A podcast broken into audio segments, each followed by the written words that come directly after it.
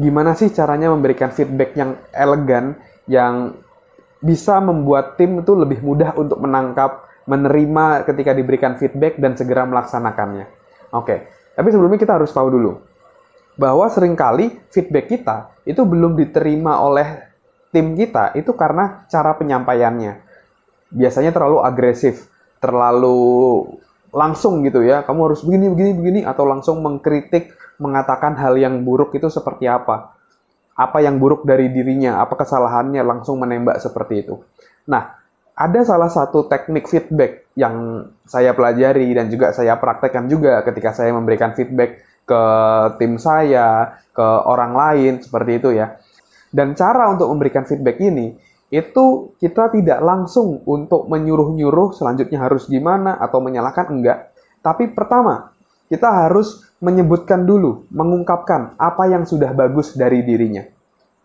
Kita puji dulu, wah kamu sudah praktek ya, kamu sudah melaksanakan A, B, C, D. Wah saya sangat salut sekali untuk Anda.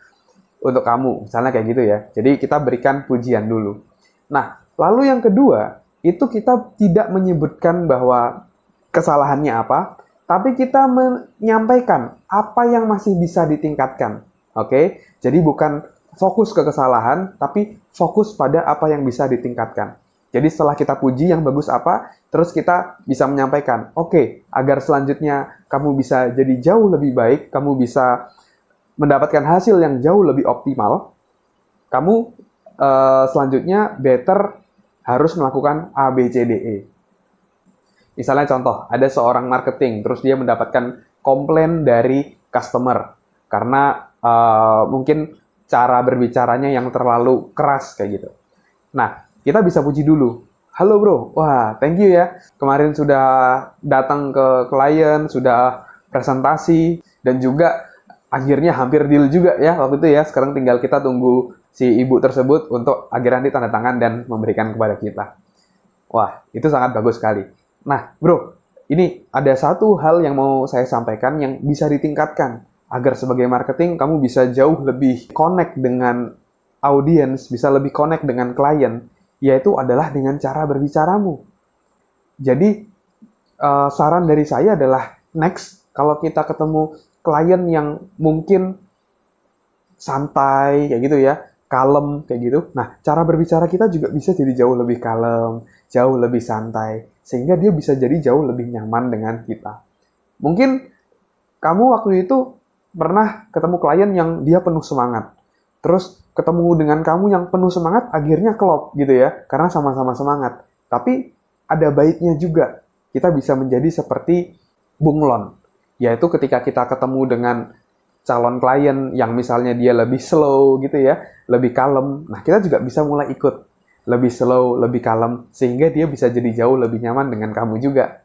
Dan akhirnya komunikasi juga jadi jauh lebih lancar, negosiasi juga jadi jauh lebih lancar. Oke? Okay? Nah, itu adalah salah satu contoh untuk bagaimana memberikan feedback, yaitu kita puji dulu, lalu yang kedua baru kita sampaikan apa yang bisa ditingkatkan dari dia. Jadi bukan mengatakan apa yang buruk, tapi kita puji dan sampaikan apa yang bisa ditingkatkan. Itu berdasarkan pengalaman saya, itu jauh lebih mudah untuk diterima, dan akhirnya perubahan jadi jauh lebih cepat terasa ketika kita menggunakan format tersebut. Puji dulu, lalu fokus pada apa yang bisa ditingkatkan selanjutnya. Oke, okay?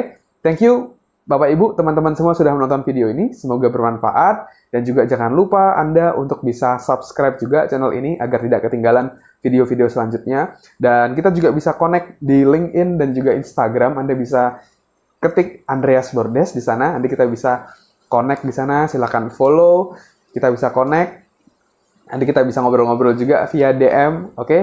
Thank you Bapak Ibu semua sudah nonton video ini, semoga bermanfaat. Saya Andreas Bordes, sukses selalu untuk kita semua.